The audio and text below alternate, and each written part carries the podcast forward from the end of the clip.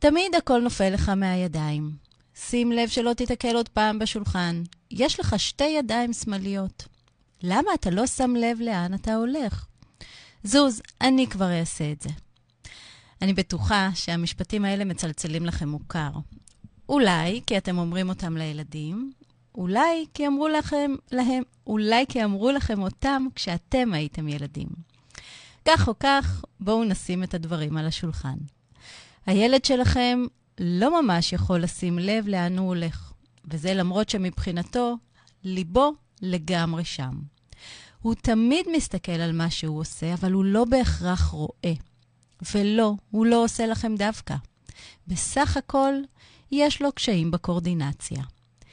ולמרות שאני אומרת בסך הכל, מדובר בקושי מאוד משמעותי שמשפיע על כל תפקודי היומיום שלו, על התפקוד המוטורי, הגס והעדין, על היכולת שלו להתארגן, על היכולת להשתלב בקבוצה, על יכולת הלמידה, כמובן על הדימוי העצמי והביטחון העצמי שלו.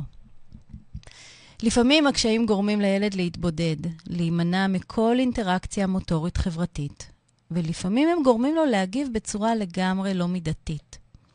למה? כי הוא מתוסכל, כי קשה לו, כי הוא לגמרי מבין מה הוא אמור לעשות, והוא גם לגמרי לגמרי מתכוון לעשות את זה. אבל זה פשוט לא מצליח לו. זה קורה אחרת ממה שהוא התכוון אליו. וזה גורר בעקבותיו צחקוקים של חברים, ואולי נידוי, ואמירות כאלה ואחרות, ובסופו של דבר זה גורם לו להרגיש שמה שהוא לא יעשה הוא פשוט לא טוב מספיק. היום בתוכנית אנחנו מדברים על קורדינציה. פירוש המילה קורדינציה היא לפעול בסדר מסוים, בארגון. זה אומר שכדי שפעולה מורכבת תצא לפועל, אמור להתקיים תיאום בין תנועות, סינכרון. במילים אחרות, קורדינציה היא תוצאה של שיתוף פעולה בין מערכות, בין שרירים, בין תנועות. ומה קורה כשילד, כשלילד יש קשיים בקורדינציה? היכולת שלו לפעול בשיתוף פעולה נפגעת בכל הרמות, האישית, החברתית, הקבוצתית. אז הצטרפו אליי וביחד נכיר את הילד המסורבל שלנו. נבין איך התפתחו הקשיים הקורדינטיביים, איך הם משפיעים על התפקוד שלו, ובעיקר, איך הוא מרגיש איתם. ואולי, אולי בסיום התוכנית נצליח לראות אותו מזווית ראייה מעט שונה, ממקום יותר מבין וחומל, ממקום כזה שמאפשר לדברים אחרים לקרות.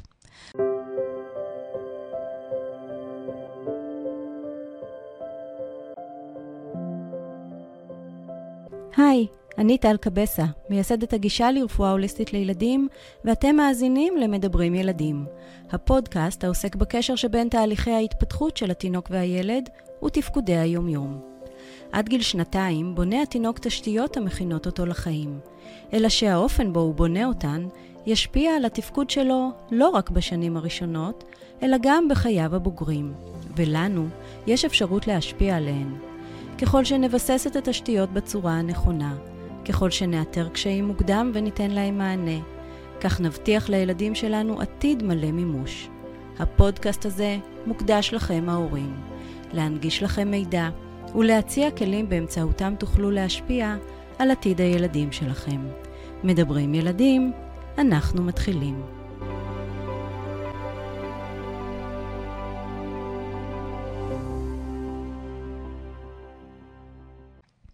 מה אתם עושים מהרגע שאתם מתעוררים בבוקר? אולי מתהפכים במיטה, נעמדים, מתלבשים, הולכים, מצחצחים שיניים, קוראים, מבשלים. כל כך הרבה דברים, וכולם, כולם, ללא יוצא מן הכלל, מבוססים על פעולות מוטוריות. גסות, עדינות, מתוזמנות, וכאלה שמקדמות אותנו למטרה שלנו.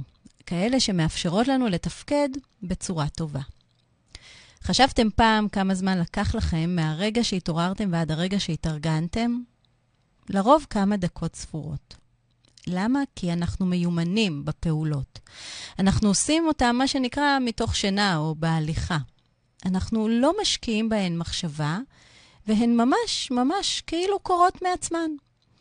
למזלכן, יש לכם קורדינציה בסיסית כללית טובה. קורדינציה טובה מאפשרת לנו לפעול באופן אוטומטי, מבלי להשקיע מחשבה או תכנון מוקדמים, מבלי להשקיע המון מאמץ קוגניטיבי או מוטורי. במילים פשוטות, בא לנו לעשות משהו? אנחנו פשוט עושים אותו. ולרוב זה גם יוצא לנו די טוב, כלומר זה יוצא כמו שתכננו פחות או יותר. קורדינציה טובה מובילה אותנו לתפקוד יעיל וחסכוני ומדויק, והיא נותנת לנו תחושה של שליטה. אנחנו שולטים בגוף שלנו, אנחנו נותנים לו פקודות והוא מבצע אותן, ויש לנו תחושה כללית של, של מסוגלות. ומה קורה לילד שמתמודד עם קשיים בקורדינציה? התחושה הכללית שהוא מתמודד איתה היא תחושה של חוסר שליטה. כי יש פער גדול בין מה שהוא רוצה לעשות לבין התוצאה הסופית. בין מה שהוא התכוון ותכנן לעשות לבין מה שקרה בפועל. והפער הזה לא לגמרי ברור לו, כי הוא הרי לגמרי מבין הוראות ומה הוא אמור לעשות. והרי כשהוא שיחק כדורגל עם החברים שלו לקבוצה, הוא ממש ראה את הכדור מתגלגל לעברו. והיה לו לגמרי ברור שכל מה שהוא צריך לעשות זה לשלוח את הרגל החזקה שלו ולבעוט בכדור לכיוון השער. ומבחינתו, הוא עשה את זה בדיוק. אבל אז הכדור חלף על פניו מבלי שהוא הצליח לבעוט בו, או שהוא הצליח לבעוט בו, אבל פתאום הכדור נשלח לכיוון הפוך לגמרי. ואולי בדיוק בגלל זה הקבוצה שלו הפסידה, ולכולם, לכולם ברור שזה בגללו. דמיינו לעצמכם את חוויית התסכול של הילד, את, ה, את תחושת הכישלון ואת האופן שבו הוא רואה את עצמו באותם רגעים, את הדימוי העצמי שלו בעיני עצמו. כלא מסוגל, כלא טוב, ככזה שהחברים שלו לא רוצים שהוא ישתתף איתם במשחק. זה המחיר של קשיים בקורדינציה. אז איך מתבטאת קורדינציה? אה, היא מתבטאת בכל מיני דרכים. ביכולת לממש הוראה או כוונה בצורה איכותית, יעילה, מדויקת ובמינימום של השקעה. זאת אומרת שהמוח והגוף מבינים מה המטרה שלי, מה אני רוצה לעשות, איזה איברים אמורים להשתתף בתנועה וכמה מאמץ להשקיע, כמה כוח, באיזה תזמון הפעולה צריכה להתקיים, באיזה מהירות, ואיך בתוך כל זה גם הגוף שלי מצליח לשמור על יציבות ועל שיווי משקל. היא מתבטאת ביכולת לבצע פעולות באופן אוטומטי. כלומר, כל מה שתיארתי עכשיו אמור לקרות מעצמו, באופן אוטומטי, מבלי שהילד יצטרך לחשוב אה, על כל הפעולות האלה שאמורות לקרות. החשיבה, התכנון, ההוצאה לפועל, לפועל, כולם קורים מעצמם ברגע שהוא מחליט שהוא רוצה לעשות משהו. כשאין קורדינציה, כל פעולה דורשת כל כך הרבה אנרגיה, שהיא הופכת שוחקת, מתסכלת ומאוד מאוד מעייפת, גם קוגניטיבית וגם מוטורית, ברמה ממש הפיזית.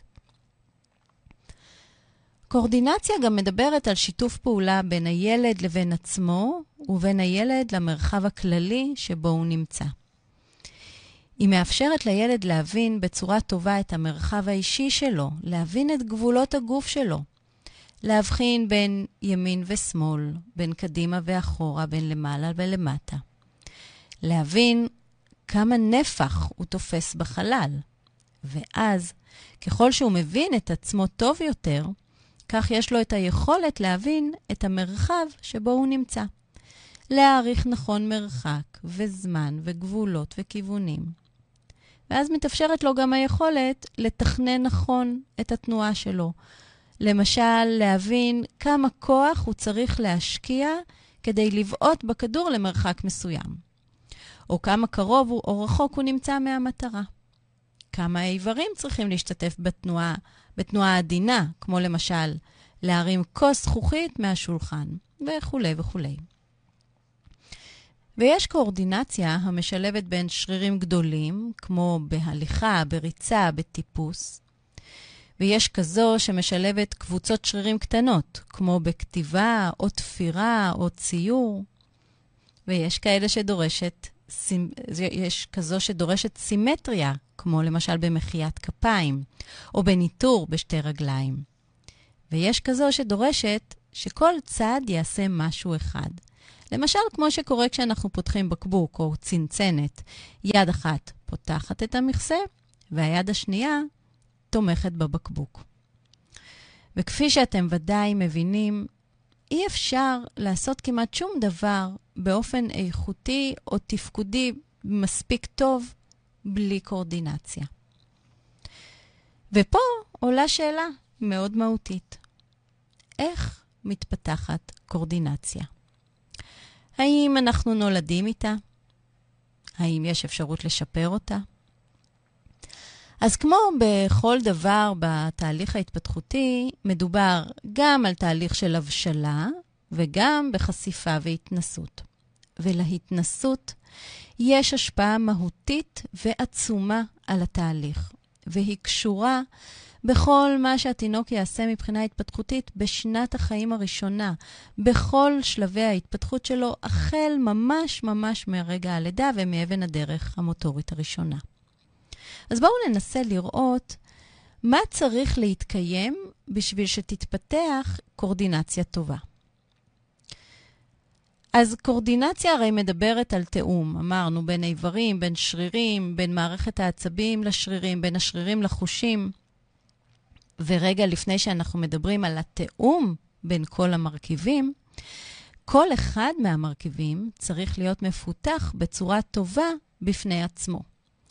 הרי אם השרירים לא יתפתחו נכון, אם לא תהיה יכולת להניע איברים בצורה נכונה, אם תהיה רגישות יתר או תת-רגישות באחת או יותר ממערכות החושים, לא תהיה יכולת טובה לסנכרן בין הדברים. זה קצת כמו, אה, זה קצת כמו להכין עוגה. כדי שהעוגה תצא טובה, צריך לוודא שכל אחד מהמרכיבים שלה יהיו איכותיים. ואז השילוב ביניהם יביא, יניב תוצאה חדשה וטובה יותר מסך כל המרכיבים שלה. אז בואו נגלה מהם מרכיבי הקורדינציה. מראש אני אומרת שההפרדה שאני הולכת לעשות עכשיו היא מלאכותית לגמרי, כי הדברים קשורים זה בזה. אבל חשוב שנעשה אותה כדי ש... לצורך ההבנה שלנו. אז הדבר הראשון שנזדקק לו זה מתח שרירי תקין. למה? כי, כי כשהמתח השרירי יהיה תקין, התינוק יוכל לבודד את השרירים ולחזק אותם בצורה נכונה. היכולת הזאת לבודד את התנועה היא קריטית כשאנחנו מדברים על קורדינציה, כי בבסיס אנחנו מדברים על הפרדת תנועה, על היכולת להניע כל איבר באופן עצמאי. ואני אתן דוגמה. אם למשל יש לתינוק מתח שרירים מוגבר, לרוב מה שיקרה זה שקבוצות שרירים רבות מחוברות ופועלות יחד כמקשה אחת. למשל, מתח שרירים מוגבר ברגליים יגרום לכך שלא תהיה הפרדת תנועה במפרק הירך או בברך. הילד יתקשה ממש לבצע תנועות בסיסיות ביותר של כפיפה ופשיטה במפרקים. אז נראה, כשהוא תינוק, שהרגליים שלו מאוד מתוחות ונעולות. ויהיה לו רצון מוגבר להיות במנחים זקופים, ממש במנח של עמידה, גם אם הוא רק בן ארבעה או חמישה חודשים. כי הוא לא יכול לכופף את הברכיים שלו. כמובן שהמצב הזה ישפיע על התהליך ההתפתחותי שלו, כי יהיה לו קשה להפריד את התנועה בין פלג הגוף העליון לתחתון. יהיה לו קשה למשל לעלות על שש, שזאת בדיוק הפרדת התנועה שהוא צריך במפרקים. יהיה לו קשה להתיישב למשל על הברכיים. וכאשר הוא ילך, ההליכה שלו תהיה חסרת גמישות. נראה הליכה ברגליים ישרות, נראה איזושהי הליכה מסורבלת, מדודה כזאת, ללא גלגול של כף הרגל, נשמע צעדים חזקים כשהוא מגיע. ואז תהיה השלכה על תפקודים אחרים, כמו למשל על היכולת לרוץ ולבלום את עצמו. על היכולת שלו לטפס יד ורגל באופן קורדינטיבי, יד ורגל לסירוגין. תהיה בעיה לווסת את הכוח, למשל בבעיטה. כי בכל תנועה משתתפים הרבה שרירים, וכל חלקי הרגל. והנה, הנה הפגיעה בקורדינציה. ומה יקרה במתח שרירי נמוך? במקרה הזה, לרוב נראה חולשה גדולה של השרירים ומין פיזור של איברים. מתח שרירי נמוך מגיע לרוב אה, בשילוב של גמישות יתר, מה שגורם לכך שטווחי התנועה במפרקים מאוד גדולים. זה, זה גורם לזה שיש סוג של פיזור של איברים במרכאות. האיברים מרוחקים ממרכז הגוף, מרוחקים עד כדי כך שהילד לא באמת מבין היכן הם ממוקמים ביחס אליו, מה שמקשה עליו מאוד להכיר את גבולות הגוף שלו, וזו עוד סיבה מאוד מרכזית להתפתחות של קשיים בקורדינציה, מודעות הגוף, ההיכרות, ההבנה של הסכמה של הגוף שלי, אני עוד ארחיב על זה בהמשך. כי הרי אם הילד לא יהיה מודע לגבולות של הגוף שלו, למיקום ולמנח של האיברים, איך הוא יוכל לתת פקודה מדויקת ולה, ולהפעיל אותם בצורה טובה. כמובן שבמתח שרירי נמוך יש גם קושי לחזק את השרירים וצריך להשקיע הרבה יותר מאמץ. אז מתח שרירי חיוני גם ליכולת שלנו להפריד איברים, גם ליכולת לבנות כוח, גם ליכולת לחזק את השרירים בצורה טובה. ונכון, נכון, מתח שרירים אה, הוא נתון מולד. אנחנו נולדים עם המתח השרירי הזה. אבל יש לנו אפשרות להשפיע עליו בצורה מאוד מאוד משמעותית כבר מראשית החיים. להוריד אותו כשהוא מוגבר, להעלות אותו כשהוא נמוך מדי, ואז נוכל להשפיע על החיזוק של השרירים, על הפרדת התנועה, ומכאן גם על כל האופן שבו הקורדינציה תתפתח. זה מרכיב אחד של העוגה.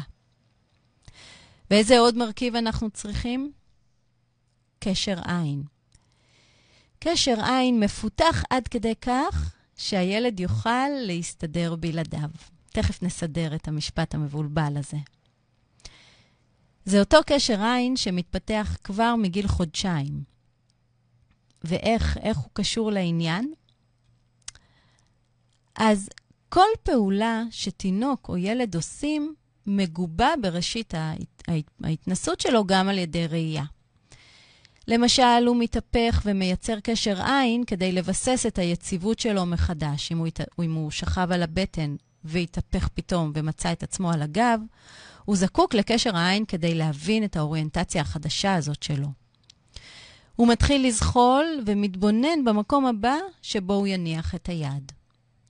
הוא מתחיל את צעדיו הראשונים ומסתכל על הרצפה כדי להבין היכן להניח את הרגל בצעד הבא. הוא מתנסה בכדרור ומסתכל על הכדור.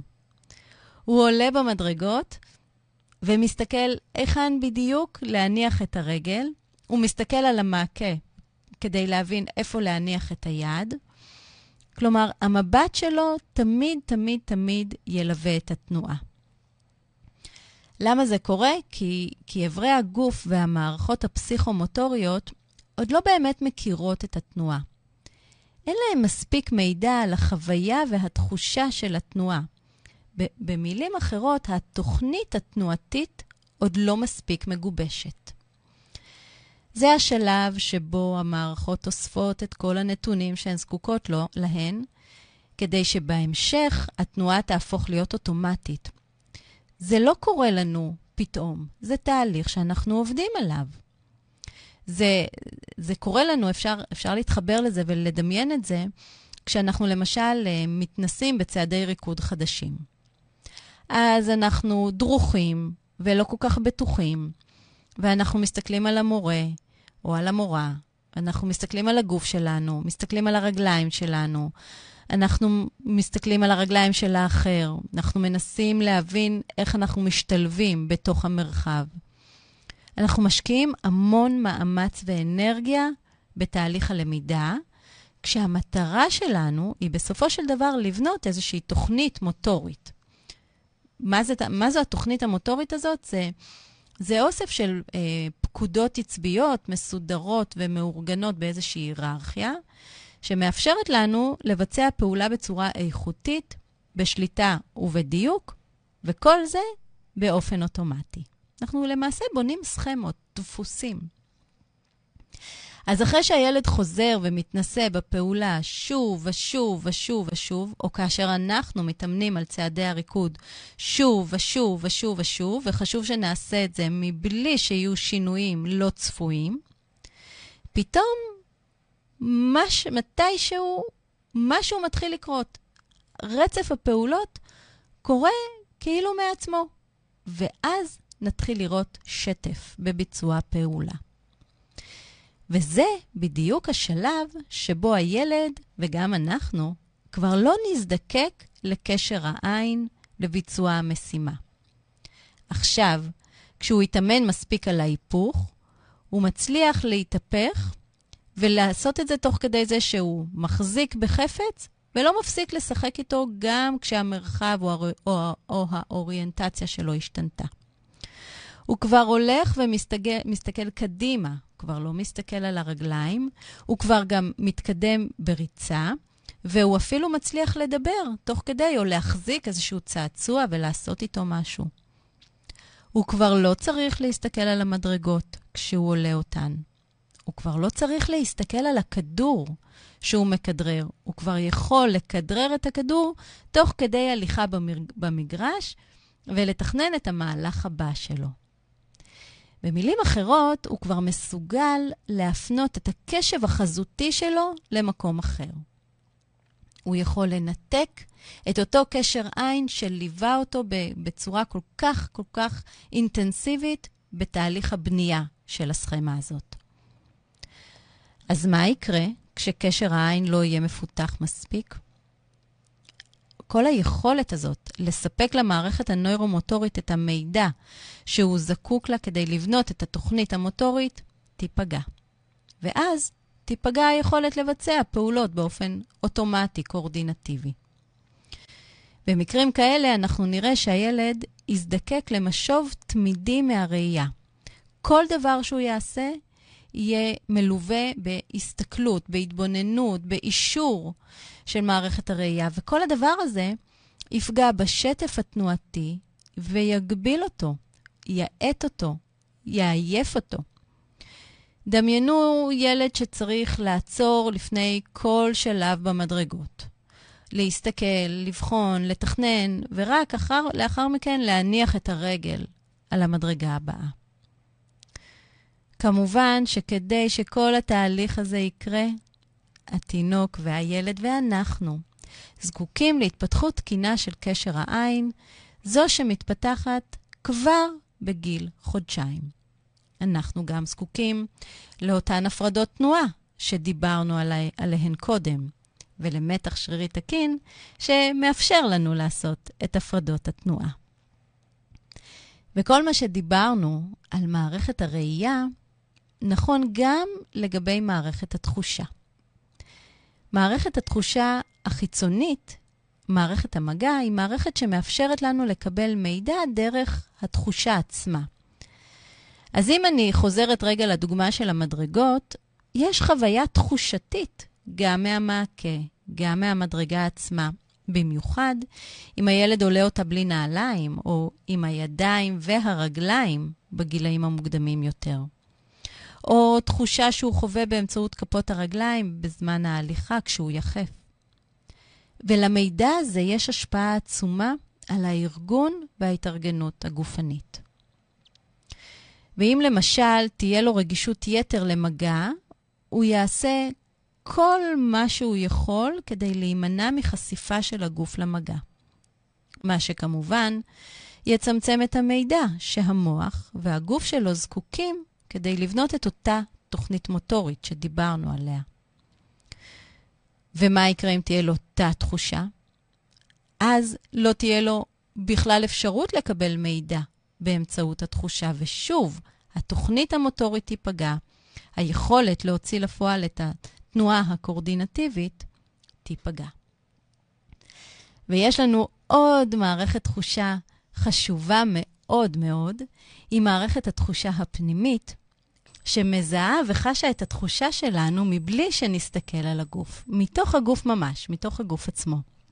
בעצם מדובר בשתי מערכות שפועלות בשיתוף פעולה ונותנות לנו מידע על מודעות הגוף, על ההיכרות עם גבולות הגוף, על האופן שבו הגוף ניצב, על המיקום של האיברים ביחס למרחב. תראו כמה אינפורמציה הגוף מאבד מבלי שאנחנו בכלל ערים, ערים לה.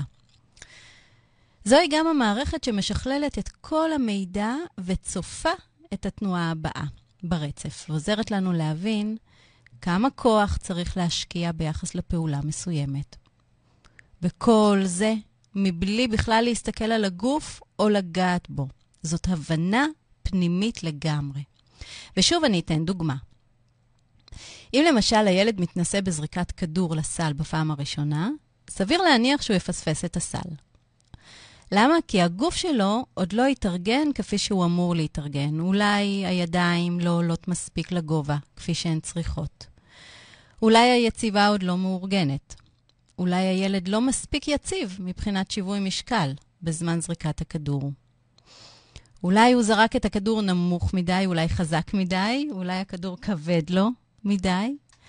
אבל ככל שהוא יחזור על הפעולות האלה שוב ושוב ושוב ושוב, יגיע שלב שבו הוא יזרוק את הכדור לסל והוא ייכנס. וזה אומר שהגוף שלו למד את התנועה. שהידיים מבינות את תחושת הכדור ואת כמות ועוצמת הכוח שצריך להשקיע. העיניים עומדות את המרחב הכללי ואת המרחק מהסל, ואז יקרה דבר מעניין. פתאום נראה שהילד זורק את הכדור לסל תוך כדי ריצה, או מזוויות אחרות לגמרי במגרש. יש, לו, יש למערכת שלו עכשיו את כל המידע שהיא זקוקה לו, כדי שהפעולה פשוט תקרה באופן יעיל ומדויק. באופן קורדינטיבי. ההבנה והתחושה הפנימיים מתפתחים גם הם לאורך התהליך המוטורי, דרך ההתנסות המוטורית בכל שלבי ההתפתחות. כל שלב בדרך מלמד, מלמד את המערכת עוד איבר, עוד תנועה, עוד מימד. כל חלק וחלק בגוף מקבל את מה שהוא צריך. אגב, זאת אחת הסיבות לכך שאנחנו ממליצים כל כך לעשות עיסוי לתינוק. עיסוי עמוק, מגע עמוק שיעזור לו להרגיש את האיברים שלו, למפות נכון את סכמת הגוף במוח, להבין היכן נמצא איבר, כל איבר ואיבר, ומהם הגבולות שלו במרחב. וכמו שאתם מבינים, יהיה קשר בין מערכת התחושה החיצונית לפנימית. ואז, כשיש הבנה טובה של הגוף, כשיש מתח שרירי תקין, הפרדות תנועה איכותיות, וכמובן, קשר עין, תתפתח קורדינציה טובה. ומה הדבר האחרון שאני רוצה לדבר עליו? זה שכמובן קשור לקורדינציה, זה שיווי משקל תקין. כפי שראינו, קורדינציה מדברת על תיאום בין איברים, בין שרירים, והיא מתנהלת באיזשהו מרחב, בין אם הוא אישי ובין אם הוא כללי. אז כל פעולה כזאת דורשת מהגוף להתארגן ולשמור על יציבות. לשם כך, אנחנו זקוקים למערכת שיווי משקל תקינה. גם כשאנחנו נמצאים במצבים סטטיים וגם כשאנחנו בתנועה. כי אם לא יהיה לילד שיווי משקל תקין, שום דבר ממה שדיברנו עליו עד, היום, עד כה לא יוכל להתקיים. הוא לא יוכל לפעול מוטורית, להוציא לפועל את התנועה. וגם מערכת שיווי המשקל מתפתחת החל מהרגע שהתינוק נולד. והיא מלווה כל שלב בתהליך ההתפתחותי שלו, החל משלב הרמת הראש, דרך הרמת הגב, בשכיבה על הבטן, דרך ההיפוכים, הזחילה, ההתיישבות, ההעמדות, וכמובן, כמובן, כל המיומנויות המורכבות יותר, ההליכה, הריצה, הניטור והדילוג. ומה משפיע על ההתפתחות של מערכת שיווי המשקל? המון דברים, באמת המון המון המון דברים, בין היתר, המתח השרירי שהזכרנו היום, מערכת הראייה, מערכת התחושה ומערכת התחושה הפנימית. וזו הסיבה לכך שאמרתי בתחילת התוכנית שההפרדה שאני עושה היא הפרדה מאוד מלאכותית, כי המערכות מתפתחות בהלימה זו עם זו ביחד. וכל אחת משפיעה על השנייה, וכולן ביחד משפיעות על התוצר הפנימ... הסופי. ותראו, דיברנו על מערכת ראייה, ועל מערכת תחושה, ועל מערכת תחושה פנימית, ועל מערכת שיווי משקל. וכולם, כולם הם למעשה חושים. וכמובן דיברתי רק על חלק מהם, אבל מכאן אנחנו יכולים להבין שיש קשר בין קשיים בוויסות החושי להתפתחות של קשיי קורדינציה.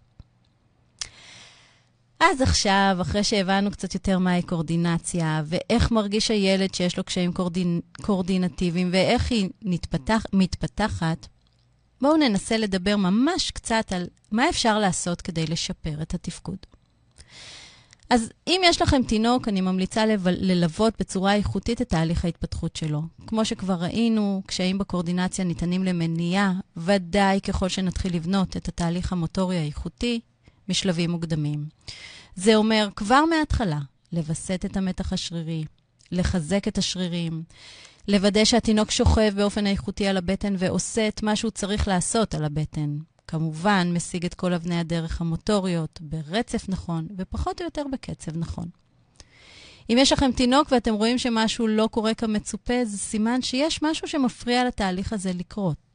וזיהוי מוקדם, מוקדם ומענה מדויק יעשה את כל ההבדל. גם יאפשר לתינוק שלכם לעשות תהליך התפתחותי תקין, ליהנות ממנו, וגם, כמובן, נמנע קשיי קורדינציה בהמשך. ומה לגבי ילדים גדולים יותר? אז גם כאן, גם כאן אני ממליצה קודם כל לפנות לטיפול מוטורי מותאם דרך הספורט הטיפולי, כדי ללמד את הגוף להפריד תנועה נכון, כדי לבנות את יציבת הגוף, את כוח השרירים, את מערכת שיווי המשקל, וכמובן את התיאום בין המערכות המוטוריות לחושיות. מה אתם יכולים לעשות בבית? לעבוד על מודעות הגוף. אחת הדרכים לעשות את זה היא לשלב המון מגע באופן יומיומי. גם בעיסוי עם שמן וגם בעבודה עם מרקמים, ותוך כדי העיסוי לשיים את איברי הגוף, לקרוא להם בשם, ואפילו לתאר את התנועה שהם עושים. להגביר את החשיפה למשטחים שונים ללא בגדים, או בשכבת בגדים דקה, ללכת יחפים, להתגלגל על הדשא, להתגלגל על מרקמים נוס... שונים. כי ככל שתהיה לנו חשיפה חושית יותר גדולה, הלמידה של המוח והמערכת העצבית תהיה טובה יותר. עוד דבר שמאוד מאוד יעזור זה למשב את התנועה של הילד כמה, עד כמה שאפשר. לתת לו כלים להעריך מרחק וקצב, להבין מתי הוא מתחיל את התנועה, מתי התנועה, מה אמור לקרות בתוך התנועה. ככל שנפרק לו את התנועה יותר ויותר, ונשים את ליבו לתוך החלקים השונים של התנועה, כך המודעות הגופנית תעלה. ואם אפשר בתוך כל ההוראה הזאת גם לגעת בגוף, זה יהיה מצוין. למשל, אם נתנו מקודם את הדוגמה של זריקת הכדור, אז אנחנו יכולים להניח את הכדור בידיים ולדבר רגע על התחושה שהוא נותן. כבד, קל, תחושה מחוספסת, תחושה חלקה. אחר כך, למקם את הכדור בין שתי הידיים וללוות בצורה איטית את כל התנועה שנדרשת כדי לזרוק את הכדור. להרים את הכדור ביחד עם הילד, להעביר אותו מעבר לראש, תוך כדי זה שאנחנו מכופפים את המרפקים. להחזיר את הכדור אל מול הפנים ולשחרר אותו. ואם למשל נרצה ללמד ויסות של כוח, אז ניקח כדורים בכל מיני משקלים ומרקמים וחומרים, ונראה איך מחזיקים כדור ספוג בלי למחוץ אותו, נבדוק כמה כוח נצטרך להשקיע כדי לשלוח אותו מנקודה לנקודה. בעצם נלווה ונפרק כל חלק בתנועה. הליווי של התנועה, הליווי של המילים, של המגע, הם אלה שיעזרו לילד לפתח מודעות גופנית ולשפר את הקורדינציה. ותוך כדי אפשר לעזור גם לילד לתמלל לעצמו את התנועה, להסביר לעצמו מה הרצף שהוא, רוצה, שהוא צריך לעשות. ברגע שהוא ילווה את התנועה עם המלל, זה יקל עליו. ואת זה אפשר לעשות כמובן עם כל תנועה, ואז יש סיכוי שמשהו אחר יקרה. אז קורדינציה היא מתנה. היא מתנה ש...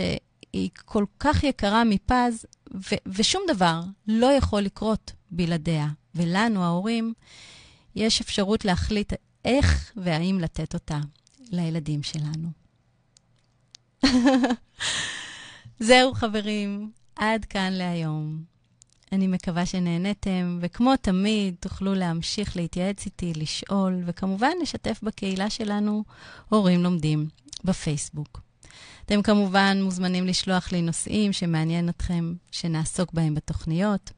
אנחנו נתראה ביום שישי הבא עם עוד תוכנית מרתקת של מדברים ילדים. סוף שבוע רגוע ומנוחה טובה לגוף ולנפש. להתראות.